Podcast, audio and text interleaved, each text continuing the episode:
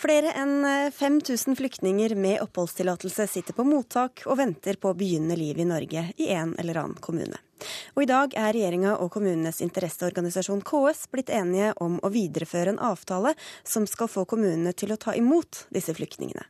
Men det er stor skepsis hos mange, særlig blant regjeringspartienes egne velgere. Barne-, likestillings- og inkluderingsminister Solveig Horne, du inviterer til dugnad. Men hvordan skal denne avtalen få flere kommuner til å ta imot flyktninger?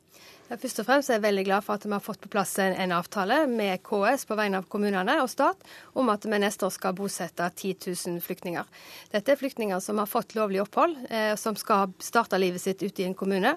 Eh, og jeg ønsker at vi skal ha en frivillig avtale med kommunene, sånn at vi kan spille på lag med kommunene og få bosatt de som har fått lovlig opphold. Og da var spørsmålet hvordan dere skal få det til?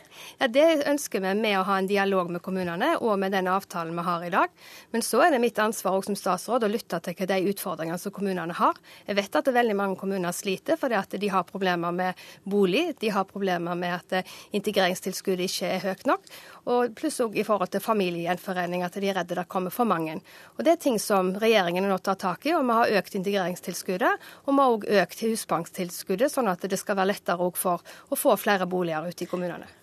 Og dette er en videreføring av en avtale, men forskjellen er jo at tallet øker. Nå er det altså 10 000 som skal bosettes til neste år. Hvor realistisk er det å få til det? Nei, Dette er jo ikke noe som kommer over natta. Dette er et problem som vi har arvet fra den forrige regjeringen. Fra 2006 og til 2013 så har det altså vært en opphopning i eh, mottakene. Det har altså med den forrige avtalen som gikk ut i 2013, ikke klart å, å bosette så mange flyktninger som vi skulle ønske vi skulle ha gjort.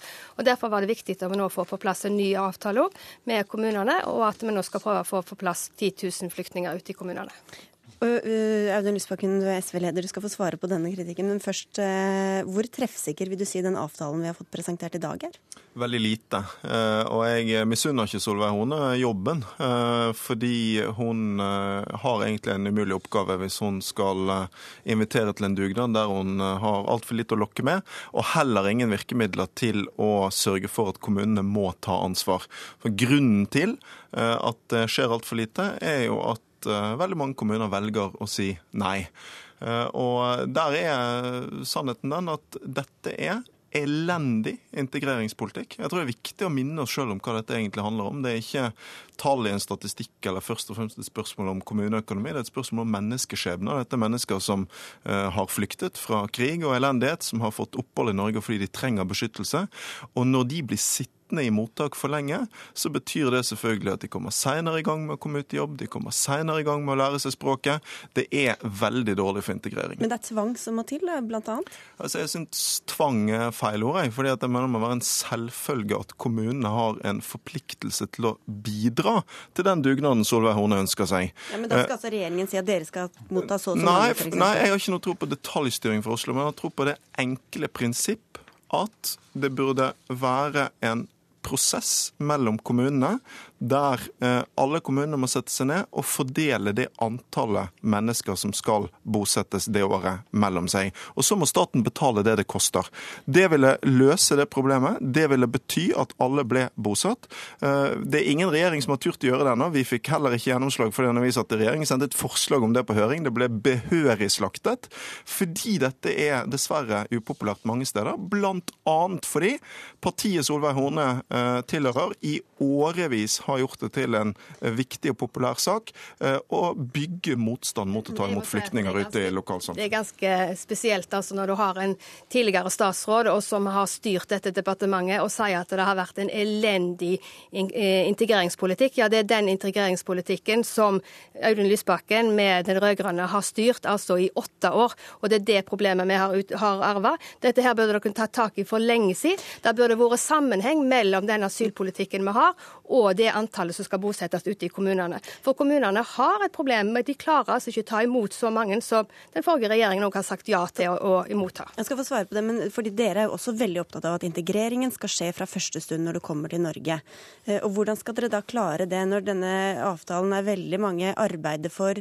Kartlegge, videreutvikle, styrke, legge til rette for Ja, men det, det som er veldig bra nå, at vi har faktisk fått på plass og økt integreringstilskuddet. Og så vi ikke, kan vi ikke stoppe det, men vi må fortsette. Men vi må lytte til hva kommunene trenger. Hva er det som må til for kommunene for å ta imot flere og for å få integrering vellykka?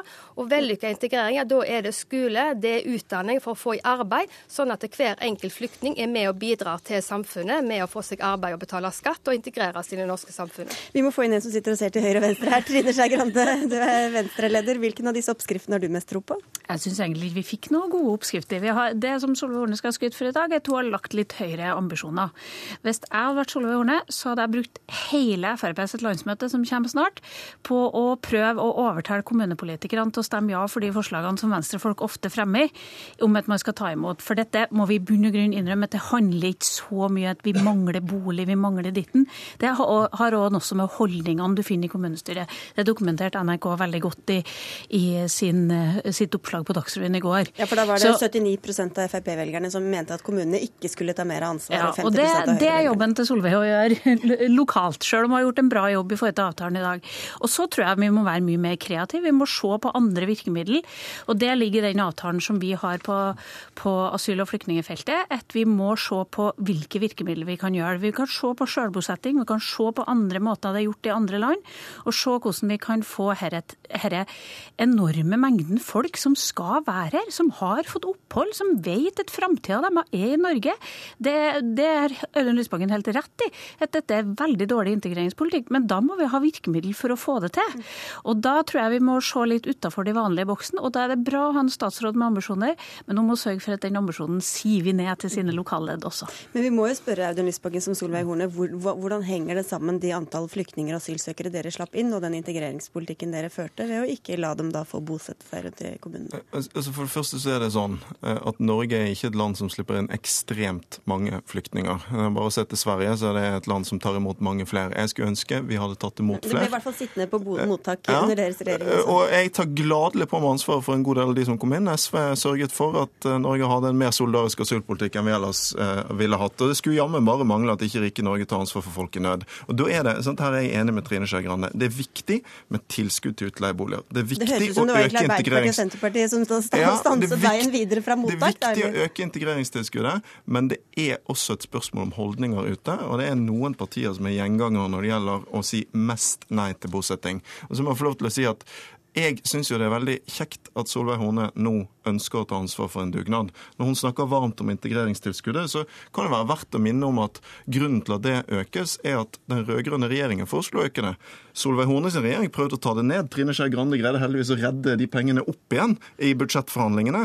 Men det er jo bare en, en, en følge av det Frp har gjort i, i, i opposisjon i alle år, der de systematisk har stemt for å kutte i disse tilskuddene.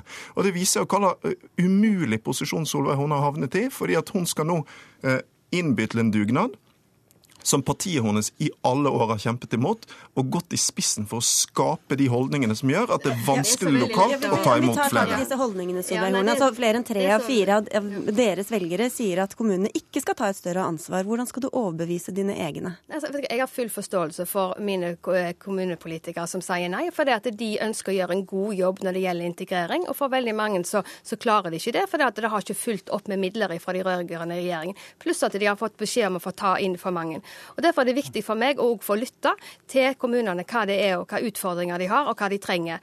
Og så har jeg lyst til å minne at Dette henger også sammen med alt. og Denne regjeringen har tatt i tak i asylpolitikken og får sendt ut de som ikke skal være her, eh, og også ser på å få raskere saksbehandlingstid. Så Audun Lysbakken burde kunne tatt tak i dette her mye tidligere. Ja, her er litt uenighet om, om det er en veldig mye strengere asylpolitikk eller ikke. Ja, det si, men poenget er Solveig Horne må bruke det landsmøtet til å fortelle sine at vi har kasta ut de drittsekkene som ikke får være dem som gjør kriminalitet og alt sånt. Men da må dere hjelpe til. De som er ordentlige og skikkelige og skal være her, får en ordentlig start ja, i Norge. Jeg informere der at Østfold kommune, som er en Frp-styrte kommune, har altså for første gang tatt imot ti flyktninger. Fordi at de fikk Vi sendte brev til alle kommunene i landet, ikke bare de store og mellomstore kommunene. Vi må få inn en som har, sitter her veldig tålmodig på siden her. Anton Steen, du er professor i statsvitenskap ved Universitetet i Oslo. Og erfaringsmessig her er det litt uenighet om hva som virker. Hva er det som faktisk virker for å få bosatt disse flyktningene? Altså, dette er jo en, en gjenganger. Eh, altså, jeg har sett på dette de siste 10-20 år. Og, og, det henger sammen med asylbølgene. Eh, altså Nå har vi hatt en kraftig økning av asylsøkere, og da blir bosettingsbehovet også desto større. Og Da har vi akkurat den samme konstellasjonen, de samme argumentene, eh, samme debatten om hva som virker og ikke virker. Og viser man, praksis, da? Man, man, rister litt på hodet av kommunene, eh, men alle er enige om at kommunene skal ha det siste ordet. Altså, Det er kommunestyret som har vetoretten her, og som er i praksis statens iverksettende organ. Samtidig skal kommunepolitikken virke. Det er noe av hensikten her at gjennom at politikerne deltar og man får en politisk prosess lokalt, så legger man også til rette for at dette blir på sett og vis eh, en del av folkestyret lokalt at man tar imot en gruppe mennesker. På den måten så er tanken da da skal de bli vel mottatt og bli godt integrert. Men de har også en vetorett. Og så ser man, når det kommer mange, så sier kommunene nei. Øh, nå holder det, selv om dere lokker med penger, øh, appellerer til humanisme, solidaritet. Så er det veldig mange som reduserer i hvert fall på anmodningen fra staten. Og det er blitt et kjempeproblem i dag. Men hvordan ser vi forskjellen fra hvem som styrer i kommunene, og hvor velvillige de er til å ta imot disse altså, Det er veldig sammensatt. Ja, det er veldig sammensatt. Når det gjelder partisammensetningen i kommunestyrene, så er det tendens at det er kommuner hvor Frp står sterkt, så er man mer skeptiske til å ta imot. Og i dag så er det vel ti kommuner som er Frp-ordfører. Derav er det faktisk to da som har sagt 100% ja. Eh, men, men det, det, er også et flertall der klart, som, som, som, som er, skeptiske. Så det ligger noe her eh, med partikonstellasjoner lokalt. og Det ser man også når man ser på debatten i kommunestyrene, som jeg har sett på. Altså det, det er ganske klare partiskiller her. Så til syvende og sist så er det da de som danner en flertallskoalisjon. Men det som kanskje er mest avgjørende, det er hva ordfører og rådmann innstiller overfor formannskap og kommunestyret, er særlig rådmannen sin innstilling positiv, og han regner på dette i kroner og ører. Mm. Og får han dette til å gå i overskudd, så, så er mange av premissene lagt for en, en, positiv reaksjon i kommunen. Og dette er også en debatt vi har hatt som vi hører i 100 år, Trine Skei Grande. Ja, men det vi må huske på, det, er det, det har jo vært ganske vellykket da, sånn integreringsmessig. Så har vi klart oss veldig mye bedre enn mange andre land fordi at vi gjør det på denne måten. Fordi at du faktisk har en lokal prosess som handler om at vi vil ta imot noen. Så du er også mot vi... tvangsløsninger som ikke etter tvang? Da, Nei, men det jeg tror kanskje at vi må se mer på om, om det finnes grupper der vi kan bruke selvbosetting på en aktiv måte. Fordi hva, hva betyr det? At de det betyr at de selv velger, og da betyr det at de kanskje flytter dit de har familie og venner fra før og kanskje kan bo hos og alt det. Mm. Og da følger tilskuddet med dem. Og det kan du bruke overfor noen grupper. Jeg tror ikke du kan bruke det overfor hele det, den dugnaden det nå er snakk om. Men jeg syns det er viktig å understreke at akkurat de prosessene prosessene i kommunestyrene, som har vært ganske smertefulle mange plass, også har ført til noe bra. Mm. For det har ført til at kommuner har vært veldig klar til å ta imot, og veldig motivert til å gjøre det mange det. Altså, det med selvbosetting syns jeg er et godt forslag. Uh, og, uh, men jeg understreker at sånn, det vi foreslår, er ikke tvang mot den enkelte kommune, men det er rett og slett å plassere ansvaret hos kommunene og diskutere seg imellom. Så må staten betale. Og Det har Solveig Horne helt rett i. Integreringstilskuddene må være store nok til at man faktisk kan få dekket utgiftene ved å ta imot flyktninger. For det kan være men, store utslag men, på en liten kommune. Nettopp. Men da har jeg lyst til å spørre Solveig Horne, for jeg syns det er ganske spesielt når hun sier at den rød-grønne regjeringen i mange år har gitt for lite penger til dette. For jeg gikk gjennom Fremskrittspartiet sine alternative statsbudsjett på dette området. Og de har jo hvert år unntatt ett den siste perioden foreslått å kutte i våre bevilgninger til integreringstilskudd. Så Hvis du mente at vår regjering ga for lite penger, så har du altså sjøl foreslått mye mindre penger til dette. Det går jo ikke i hop, Solveig. Jo, det går i hop fordi at vi sa òg nei til å ta imot flere. Så det er en, en debatt, så det, det regnestykket går i hop. Men jeg har lyst til å si det at det er viktig at vi nå har fokus på dette her, og øker integreringstilskuddet, slik at kommunene får dekka mer av de kostnadene de har. Var det derfor du foreslo å kutte det i høst? I høst, vi har altså økt det som ligger inne i budsjettet som denne regjeringen har foreslått, med et godt samarbeid med Venstre og KrF. Det er å øke integreringstilskuddet, gjøre det enklere, slik at kommunene skal få det enklere når de skal bosette og integrere. Men du foreslår å kutte det? Men vi redda, altså. Ja. Ferdig med det. Ikke mas mer på det. Men Anton Steen, altså, bare for å se til andre land, eh, tvangsbosetting eh, eller selvbosetting ja, som vi altså, snakker om. Tenker danske eller svenske modellen. Mm. Altså. Og det er ikke sikkert at man bør egentlig gå etter de to modellene, for det har sine sider. Altså, I Norge så er jo dette nøye knyttet til distriktspolitikk. Altså Flyktninger skal jo spres. Eh, drysses utover det hele land, også til kommuner som, som, egentlig har forutsetninger, selv om viljen er det, til å ta imot uh, på litt sikt. Altså Det å ha et apparat i kommunen, en flyktningkonsulent, service osv. som er på plass, som gjør at kommunen da kan planlegge over flere år for framtidige mottak. Og Det er det antagelig bare større kommuner som kan få til. Så der ligger det noe grep som kan gjøres. Vi er nødt til å takke av, vi må høre med deg avslutningsvis, Solveig Horne. Kommer du til å ta den peptalken til partiet ditt eh, under landsmøtet som Trine Skei Grande etterlyser? Vi kommer til å ha gode debatter på landsmøtet, det er jeg helt sikker på. For det er på de utfordringene vi har. Men kommer du til å be dem om å liksom tenke litt jeg nytt tror mine annerledes på det her? lokalpolitikere vet veldig tydelig hva, hva jeg ønsker. For jeg ønsker at vi skal i samarbeid med kommunene, og at kommunene skal skal være en frivillig avtale der vi skal få til en integrering. Og så skulle jeg ønske det at Audun Lysbakken, når han var i regjering, hadde tatt tak i denne utfordringen for lenge siden. Det gjorde vi jo med å foreslå å, å endre I systemet. åtte år har du sittet i regjering, og det har der altså i aldri vært så Og- mange og- og det er mottak det- under de, og det er derfor jeg med sikkerhet kan si at det du foreslår nå ikke er godt nok. At du må prøve noe annet. For vi Alle har må lære av sine egne feil, vet du, Yes. Audun Lysbakken. Tusen takk skal dere ha for at dere kom til Dagsnytt 18. Filmen Noah ble filmet på Island og TV-serien Vikings i Irland. Norge ble for dyrt. Men i dag fikk Kulturdepartementet en rapport om hvordan vi kan gjøre oss lekre for utenlandske filmprodusenter gjennom ordninger som belønner dem som lager film her. Og når får vi se norske fjorder og fjell i utenlandske filmproduksjoner, kulturminister Toril Lydøy? Det får vi håpe at vi får til. Det, regjeringen vil legge forholdene til rette for at vi skal få en god både norsk, men også internasjonal filmproduksjon eh, her hjemme i Norge. Og da er den eh, utredningen som kom i dag, den er veldig interessant. Den peker på ulike insentivordninger som eh, kan være med på å bidra til det. Og hva av dem, eller hvilke av dem er det som virker mest lokkende sånn ved første øyekast? Ja, nå foreslår ut, eh, dette utredningen den foreslår at de skal bruke den modellen som er på Island, hvor du skal ha anledning til å trekke produksjonskosten ifra. Men vi vil nå sende dette ut på høring og få høre hva egentlig bransjen mener vil være fornuftig. Og så får vi vurdere det når vi skal legge saken fram for Stortinget. Det er lenge til. Hvorfor skal du vente så lenge når dette egentlig har vært på dagsordenen i snart ti år? Ja, nå har vi ikke vi vært der så lenge, da, så har vi jo liksom tatt tak i det med å ha fått denne utredningen på plass. Eh, og vi vil jo se på de forslagene som kom inn eh, når det har vært ute på høring, og legge det fram for, eh, for Stortinget. Men jeg tror det kan være veldig positivt, disse forslagene som nå ligger der. Det er både i forhold til eh, det filmpolitiske, det kan være med på å styrke norsk film, men det kan også være med på å bidra til at du får et bra næringsretta tilbud.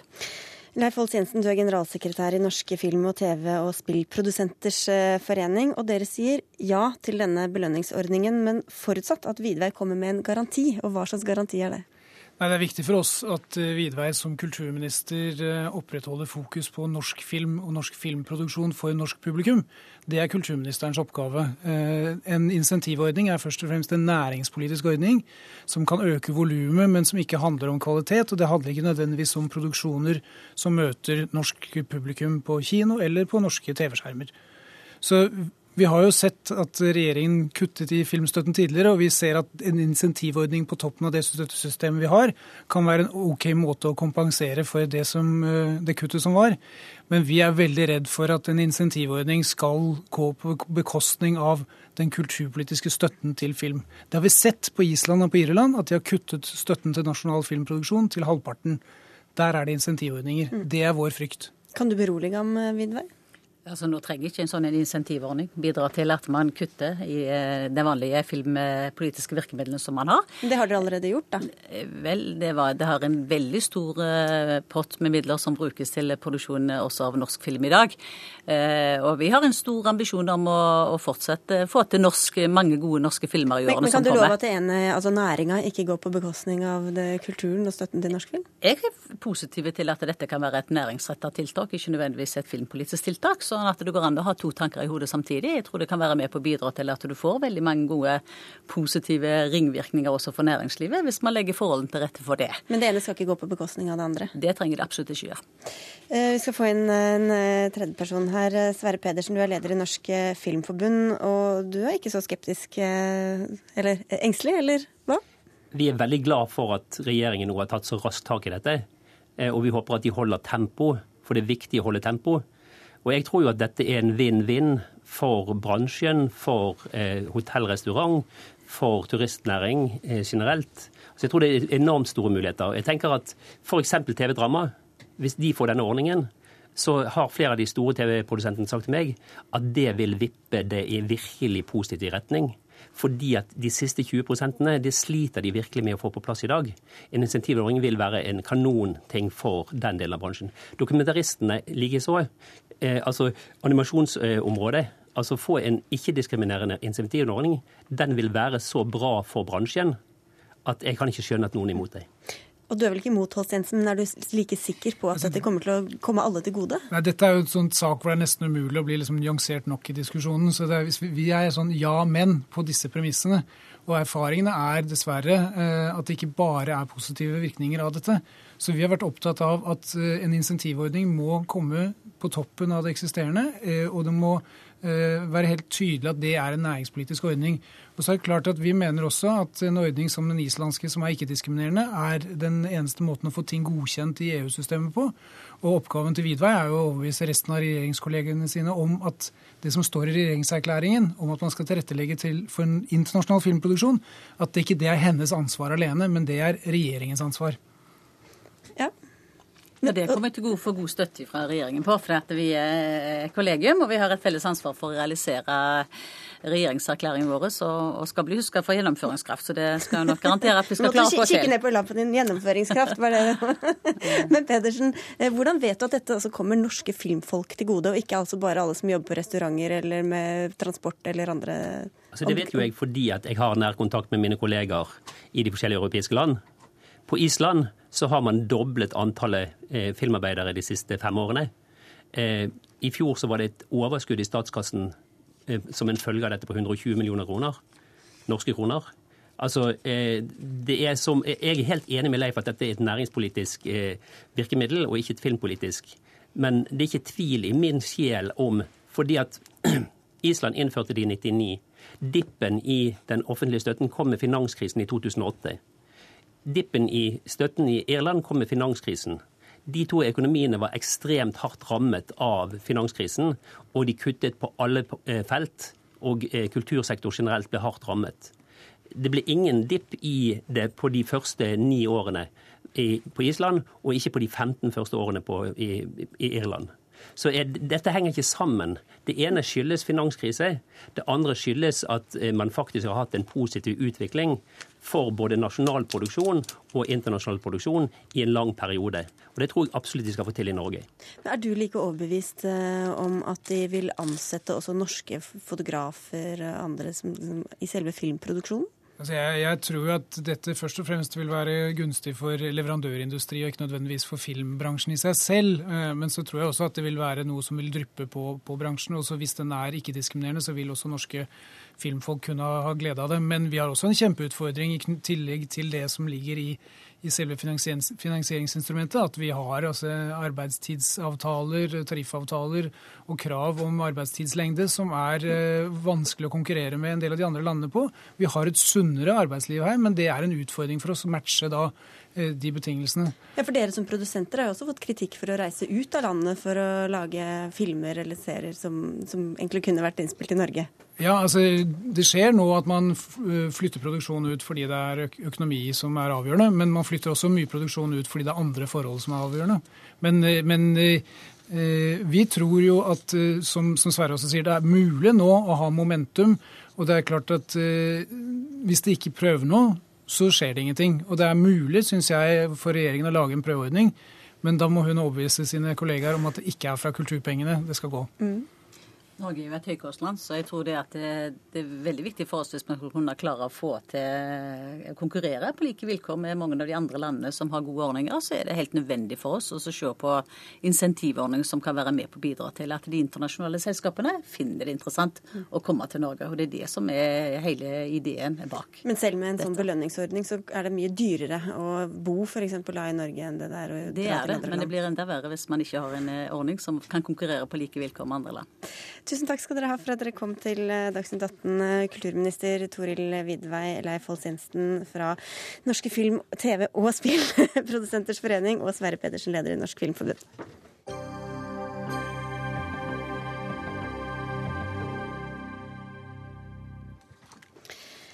Forsvarssjefen er bekymra for framtidas eh, forsvar. Det kom fram i årsrapporten deres som eh, ble lagt fram i dag. Mer penger må til hvis ikke Forsvaret skal gjøre mindre enn i dag, sier du forsvarssjef Håkon Brun-Hansen. Forsvarsbudsjettet har økt med over 10 milliarder de siste ti årene. Hvorfor trenger dere da mer for å løse de samme oppgavene? La meg innledningsvis få lov å si at dette er i sammenheng med at vi fremla årsrapporten for 2013. Og Hovedkonklusjonen er at vi har et godt forsvar. Vi har et moderne forsvar. Vi har godt utdannede, trente og øvde personell som løser sine oppgaver på en meget god måte. Men vi har enkelte utfordringer, og en av disse dreier seg om bemanning. Gjennom operasjonene i de siste årene har det vært tydelig at vi er tynt bemannet på en del av våre plattformer, særlig i Sjøforsvaret og i Luftforsvaret. Det er vår utfordring, eh, som vi også vil ha i fremtiden, og det trengs å gjøres noe med. Hva må gjøres med det, da? Ja, I første rekke så etterlyser jeg en debatt om hva ambisjonsnivået for Forsvaret skal være. Det ambisjonsnivået må da sammenstilles med en ordentlig bemanning som gjør den gjennomførbar. Og Når du sier ambisjonsnivå, hvordan mener du at de oppgavene dere har blitt pålagt de siste årene, henger sammen med bevilgningene eller da bemanningssituasjonen? I hovedtrekk så har vi balanse mellom oppgaver, ambisjon og de ressursene som stilles til rådighet til Forsvaret. Men brorparten av vår virksomhet er fredstidsmessig hjemme i Norge. Og utfordringene vi stiller våre strukturer og våre mennesker ovenfor er mindre enn det vi erfarer i operasjoner. I operasjoner kreves det mer robust bemanning, og det er det jeg etterlyser. Mm. Men mener du at dere mm, bør skalere, skalere ned, eller har dere fått oppgaver du mener dere ikke burde ha?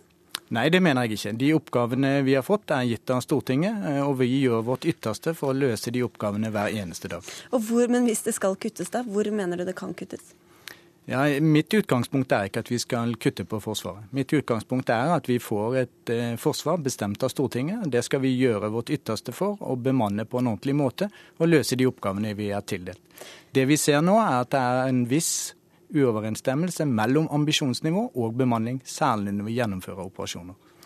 Nå er det flere andre Nato-land som bygger ned forsvaret av økonomiske årsaker. Hva får det å si for det norske forsvaret?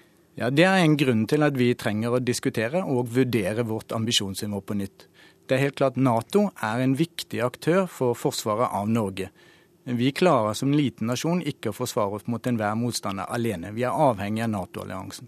Når den bygger ned, så er det naturlig å stille spørsmål om Norge må ta et større ansvar for sitt eget forsvar. Altså bygge opp? Ja, det betyr å bygge opp på enkelte områder. Hvilke områder da? Ja, Det er igjen en diskusjon vi er nødt til å ha. Det kan ikke jeg sitte og si som eh, et orakelsvar på hvordan det bør være. Den diskusjonen tror jeg vi må ta bredt, både innad i Forsvaret, men også i samfunnet for øvrig. Nå ser vi også veldig urolig situasjon eh, i Ukraina og forholdet mellom Russland og Ukraina. Hva kan det få å si for eh, det norske forsvaret? Ja, Nå er jo mine uttalelser basert på årsrapporten for 2013. Altså, Står det ikke noe om det der, altså? Dette var før vi fikk hendelsene utenfor Ukraina. Men det viser at vi har også ustabile situasjoner i våre nærområder. Eh, og det at vi kan eh, ikke ta fred i vårt nærområde for gitt. Eh, vi er nødt til å arbeide for å bevare freden og stabilitet i våre områder. Forsvaret er ett av de virkemidlene. Ja, og Da har også forsvarssamarbeidet stoppet opp mellom Norge og Russland. og Hva, hva kan det få å si? Ja, Foreløpig så er det satt på hold ut mai, og så får vi se hvordan det går videre. Men slik det er i øyeblikket, så er vår kontakt med Russland avgrenset til det rent sikkerhetsmessige. Eh, sikkerhetsmessige i forhold til aktivitetene som pågår i nordområdene. Til dette med pengebruken også, for du sier at Forsvaret er nøktern i bruken av skattebetalernes penger. Og i rapporten står det at eh, den oppfatningen ikke helt ut deles, verken blant alle ansatte eller i samfunnet for øvrig. Hvorfor tror du det er sånn? Jeg tror det har festet seg et inntrykk av at eh, Forsvaret ikke er god til å forvalte sin økonomi og bruke pengene på de riktige områdene. Det er jeg uenig i. Eh, vi har jobbet veldig hardt over flere år på å få til en god økonomistyring og være sikre på at vi forvalter skattebetalernes penger på best mulig måte, som gir mest mulig forsvar for hver eneste krone. Men hva er det som gjør at et sånt inntrykk kan feste seg også blant deres egne ansatte, da? Jeg tror en enkeltsaker som har vist at Forsvaret ikke har vært gode nok, eh, har dannet litt inntrykk av at dette er det totale bildet. Eh, slik er det ikke i mine øyne. Eh, vi forvalter økonomien på en god måte, og vi har blitt stadig dyktigere til det. Det er enkeltsaker. Det vil helt sikkert komme enkeltsaker også i fremtiden som viser det motsatte. Men de er ikke representative for Forsvarets økonomistyring. Du var inne på bemanningssituasjonen. Eh, tidligere forsvarssjef Sverre Disen ville avvikle verneplikten og innføre et profesjonelt forsvar. Hva syns du om det? Jeg er tilhenger av verneplikten. Vi har sett over de senere år at verneplikten sikrer oss tilgang på svært mange godt utdannede, motiverte unge mennesker, kvinner og menn. Eh, og de gjør en fantastisk jobb for oss, både som vernepliktige, men også som vervede og befal etter førstegangstjenesten. Du var også inne på utenlandsoperasjoner. Eh, er det riktig av Norge å nå skalere ned og, seg, og trekke seg ut av Afghanistan, etter din mening? Ja, Vi er en del av Nato-operasjonen ISAF som pågår i Afghanistan. Hele Nato-operasjonen skalerer nå ned etter afghanernes eget ønske og skal termineres ved utgangen av 2014. Vi trapper ned på lik linje med de andre Nato-landene som følge av dette. Men er, du, du synes det er, er det en god løsning? Ja, jeg syns definitivt det er en god løsning. Når det afghanske regjering ønsker at vi skal avslutte operasjonen, så bør vi definitivt gjøre det. Har vi oppnådd det vi ville da? Ja, Det er et spørsmål som eh, både har en politisk dimensjon og en militær dimensjon. Eh, det jeg kan svare på, er at de bidragene vi har gitt rent militært, har løst alle de oppgavene de har fått, og de har løst det på en god måte. Men for å bidra med tilsvarende bidrag i framtiden, så trenger dere altså mer penger? Mer penger er ikke svaret på alt, men vi trenger en balanse mellom ambisjoner og den bemanningen som stilles til rådighet for våre fartøyer, våre fly og våre avdelinger i Hæren og Heimevernet. Vi får se om du blir eh, hørt. Takk i hvert fall for at du kom til, eh, til Dagsnytt 18, forsvarssjef Håkon Brun Hansen. Takk skal du ha.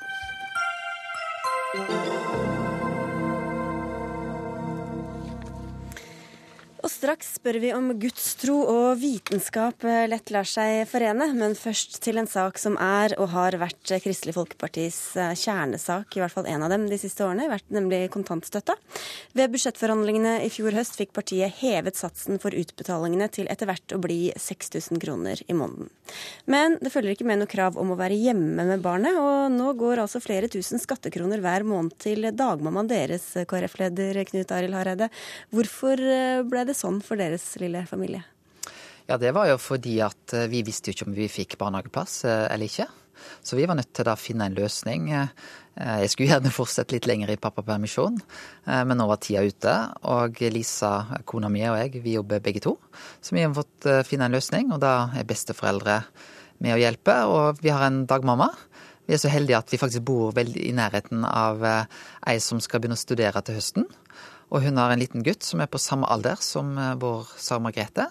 Så de to eh, passer hun på da dagtid. Og så blir det da, når august kommer, da blir det barnehage på vår datter. Men dette er også et ideologisk spørsmål. Hvorfor er det vel anvendte penger eh, å bruke flere tusen kroner i måneden på at et lite barn ikke skal gå i barnehage, men heller ikke være sammen med moren eller faren sin? Jeg tror den løsningen som vi får nå, som gjør at vi får litt mer tid sammen med vår datter, det syns jeg er bra. Men så er det jo også sånn at familier er forskjellige, barn er forskjellige. Vi må finne fram til gode løsninger. Og det som er det ideologisk viktige for KrF, det er at en får lov til å velge den løsningen som passer best for en sjøl.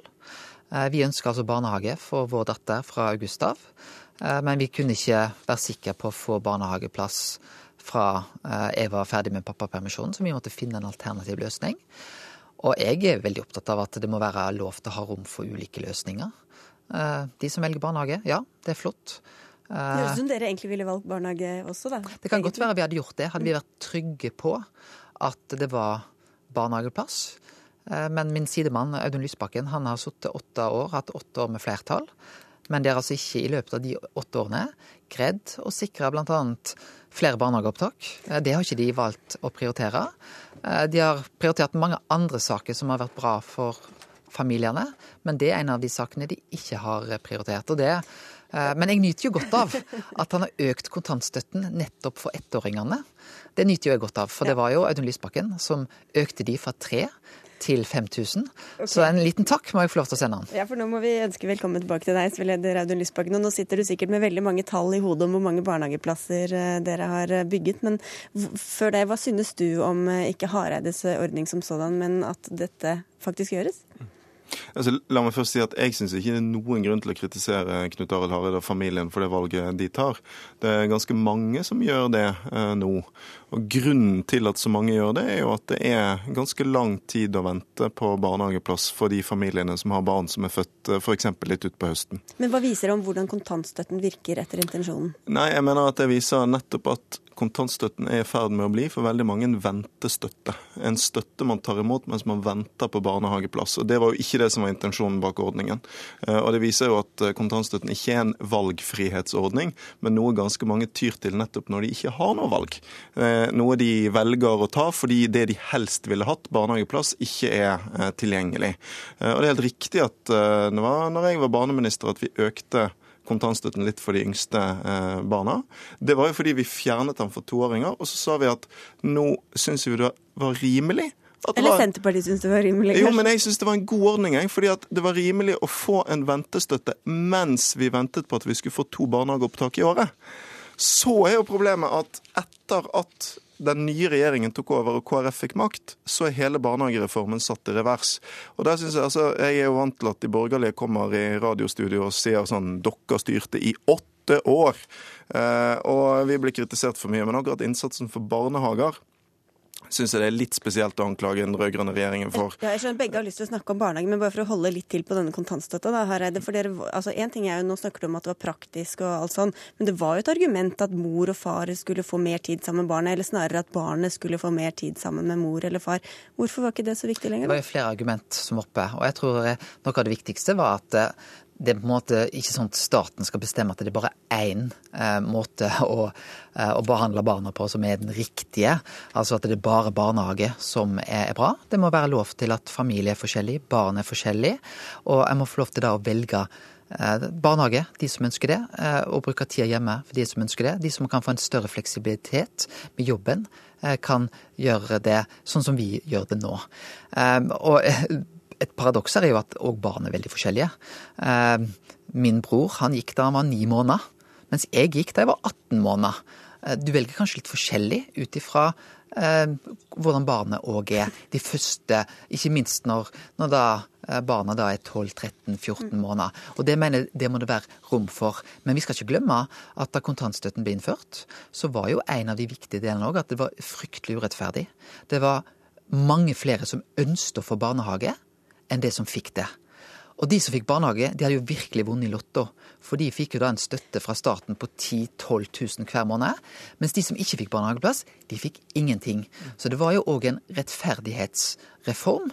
Og jeg vil si at så lenge vi ikke har flere barnehageopptak, så er det viktig å gi et rettferdighetsperspektiv. Men jeg har bare lyst til å snakke litt mer om denne kontantstøtten, Audun Lysbakken. For hvorfor skal det være sånn da, at eh, familier er nødt til å velge den barnehagen, selv om de tenker at nei, datteren min har kanskje best av å være hjemme til hun er 16 måneder, f.eks.? Altså, jeg mener det handler om følgende. Barnehager er et offentlig velferdstilbud. Eh, vi støtter og bruker offentlige penger på at eh, familiene skal kunne ta det i bruk. Fordi vi tror det er bra for barna med gode og trygge barnehager, og fordi det gjør at det er enklere for familiene å kombinere at både mor og far er i jobb, med å få barn. Og det er viktig for samfunnet at både kvinner og menn jobber, og at vi får flere barn. Derfor har vi interesse av å betale for at folk kan bruke barnehager. Kontantstøtten er jo det motsatte. Det er betaling for at en ikke bruker et offentlig velferdstilbud.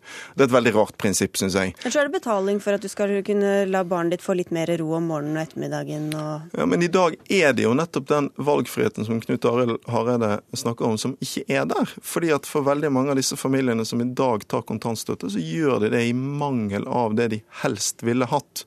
Og da er min utfordring til KrF følgende.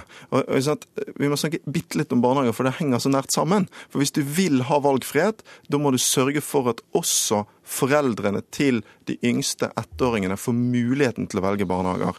Og For ti år siden så startet en voldsom barnehageutbygging. Det var etter en reform der SV, Fremskrittspartiet faktisk, og Arbeiderpartiet tok fra KrF og Høyre makten over barnehagepolitikken. Så gikk det ti år med voldsom utbygging, og så snart KrF og Høyre var tilbake i posisjon, så satte de barnehagereformen i revers. Hva skjedde i høst? Jo, vi la inn i vårt budsjettopplegg forslag til nesten 3000 flere barnehageplasser. Den, den, flertallet som tok over, kuttet med mange hundre millioner i barnehagebudsjettene. Det gjør at mange allerede til høsten kommer til å stå i barnehagekø som ville fått plass med det rød-grønne ja, budsjettet. Nå har KS også regnet på at eh, de 4000 eller drøyt eh, som man regnet med at ikke lenger ville ha barnehageplass pga. den økte kontantstøtten, eh, ikke fins, men tvert imot er 500 som i, kommer til å stå i kø. Hareide, er det sånn at kontantstøtten har tatt oppmerksomheten da, vekk fra barnehageutbyggingen? Nei, og det er ikke riktig det som Lysbakken her sier. Fordi at dette er jo ikke reelle kutt. Dette er jo anslagsendringer. Det som var poenget, var at vi økte kontantstøtten. Da trodde ekspertene, fagfolkene, at noen flere ville bruke kontantstøtte. Det har ikke vist seg å være riktig. Akkurat det samme gjorde Audun Lysbakken. Det, altså, dette er jo måten en lager budsjett på, og det er ikke noe galt i det. Akkurat men handler det ikke også litt om hva man konsentrerer seg om, og hva man satser på? Audun Lysbakken økte jo kontantstøtten for ettåringene fra 3000 til 5000. Da gikk anslagene på hvor mange som skulle bruke kontantstøtte blant ettåringene, ned. Men, men, og da legger en selvfølgelig inn færre plasser for det. Men nå ser vi at anslagene er feil. Da må vi selvfølgelig justere opp det. Og det må da skje i revidert budsjett som nå kommer i mai. Og da må vi selvfølgelig legge inn Eh, penger på det. Men, men det er bare én si del av endringen dere gjorde, Knut Arild. fordi det dere også gjorde, det var å fjerne de pengene. Det var 241 millioner kroner. Men, men der hadde du skulle, hatt åtte som, år til å ja, få to barnehageopptak. Og det er det jeg sier at og, og, vet du, hva, Nei, la meg snakke ferdig nå. La meg snakke ferdig nå. Hvert eneste, hvert eneste av de åtte årene ble det bygget enormt mange barnehageplasser i Norge. Det vi mangler for å nå to opptak, det er tre år til med ca. 3000 plasser hvert år. Og med det rød-grønne budsjettopplegget ville vi vært blir... enda nærmere to opptak i året. Okay. Men dere kuttet de pengene, da og da er det bra frekt å legge skylden på andre. Det ble, bygd, det ble bygd nye barnehageplasser nå. Poenget er at Audun Lysbakken han la inn to barnehageopptak. Det gjorde han etter han hadde tapt valget. Han hadde hatt åtte år. Han hadde hatt åtte år. Han kunne stå opp mens han satt i regjering og legge det inn. Det valgte han ikke å gjøre. Det var en feil prioritering. Ikke to barnehageopptak. Det gjorde du etter du hadde tapt valget. Hvordan får du til to barnehageopptak? Du gjør det ved å bevilge penger til mange tusen nye barnehageplasser hvert år. Det gjorde vi. Dere sluttet det. Men tusen takk for at dere kom, Knut Arild Hareide og Audun Lysbakken. Og idet vi lukker døra til påsken, er det kanskje mange som sitter igjen med en idé til et drap eller to. For klassiske krimbøker er fulle av giftmord som gir en mer eller mindre smertefull død, som kan være mer eller mindre vanskelig å oppdage. Og hvis du skulle ta livet av noen med gift, professor i organisk kjemi Ulf Ellevik, hvilken gift ville du valgt? Ja, det var jo en fråga, det. Ja. er du redd for å komme med tips, kanskje? Det fins ett eh, eh, gift som, som eh, ikke anvendes av noen deckarförfattare än, som heter dimetylkvicksilver.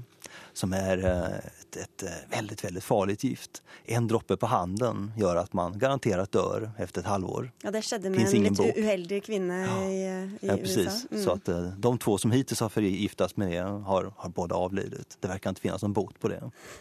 Et lite tips her, altså. Dette er et av temaene i boka som du har skrevet nå, som er kommet ut på norsk, og som heter Ond kjemi beretninger om mennesker, mord og molekyler.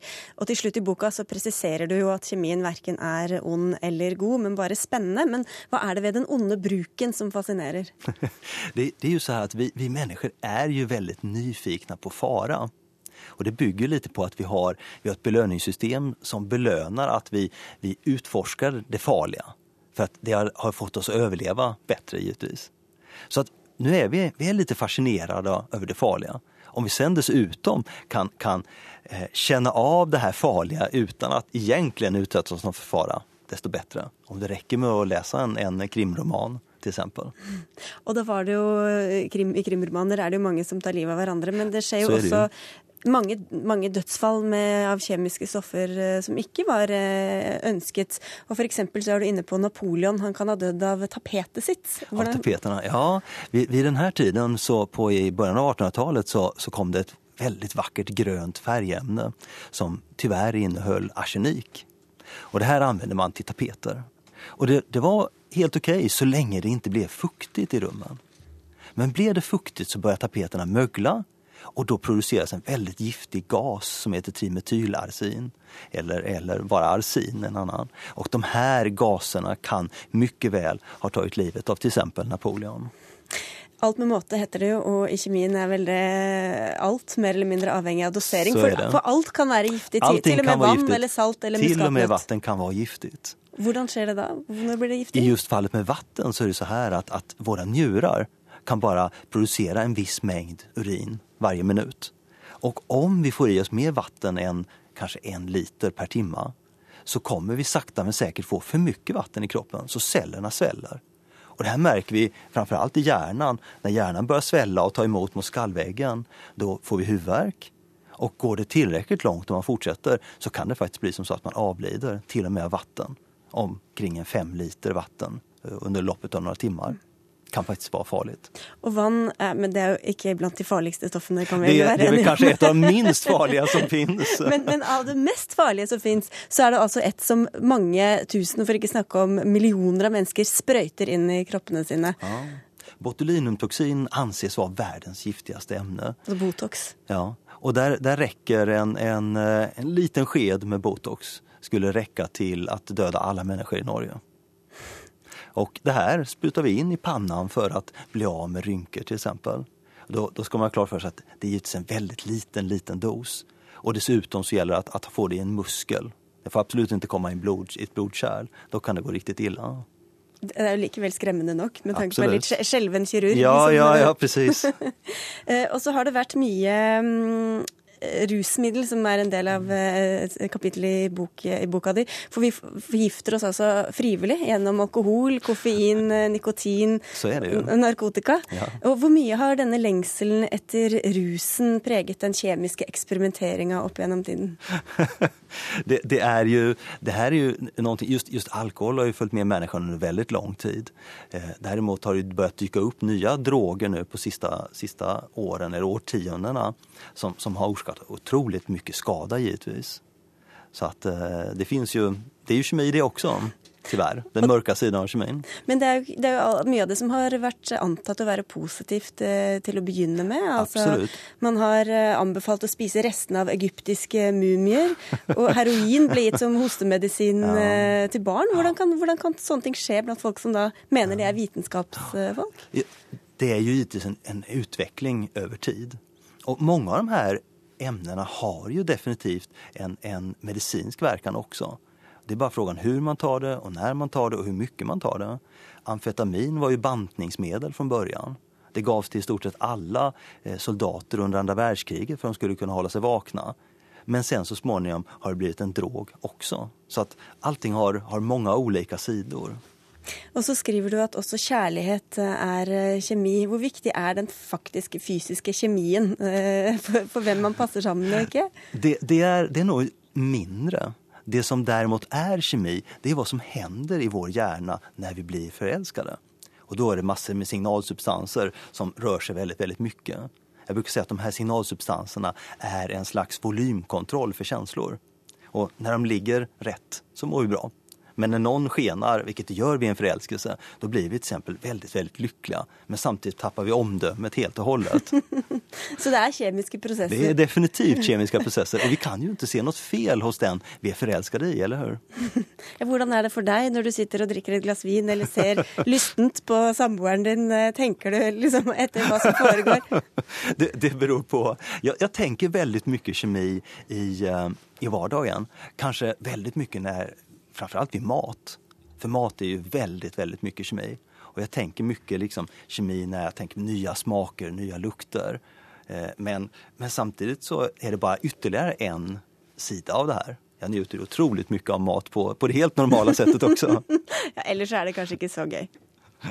Ja. Du, vi får si tusen takk for at du kom og dro et, lite takk. sammendrag av uh, boka di, uh, Ulf Ellevik. Du er altså professor i organisk kjemi ved Lunds universitet og forfatter av boka om kjemi. Tack så mycket.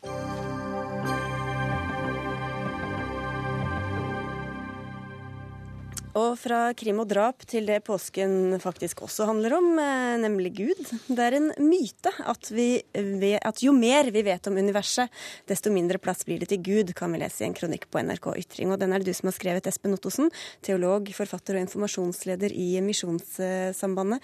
Men hvilke nye oppdagelser eller utvikling er det som understøtter eh, Guds eh, eksistens?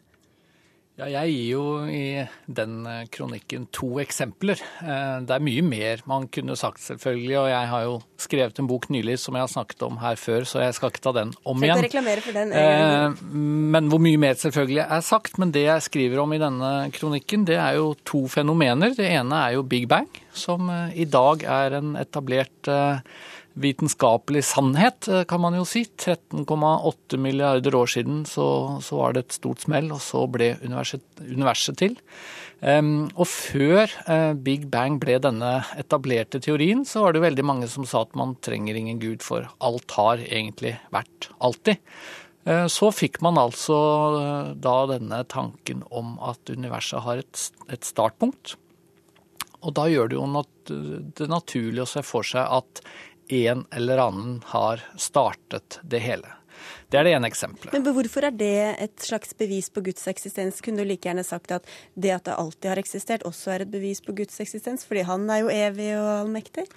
Ja, og jeg tror jo at den som startet eh, Big Bang, eh, var, eh, har vært evig, altså Gud. Og det er klart at også den gangen eh, Thomas Aquinas f.eks. drev med filosofi i middelalderen, så var det jo veldig mange som tenkte at eh, universet alltid hadde vært. Og folk trodde jo på Gud den gangen òg.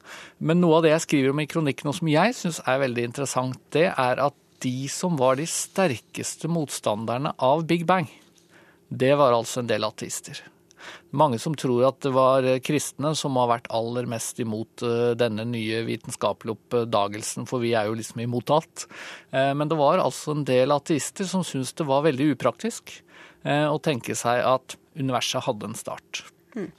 Og I tillegg så skriver jeg i kronikken også om det såkalte fininnstillingsargumentet. Altså at universet virker til å være helt nøyaktig fininnstilt for liv. Kan det være bare en tilfeldighet. Eh, jeg svarer jo da at det kan peke på én tilrettelegger, altså Gud.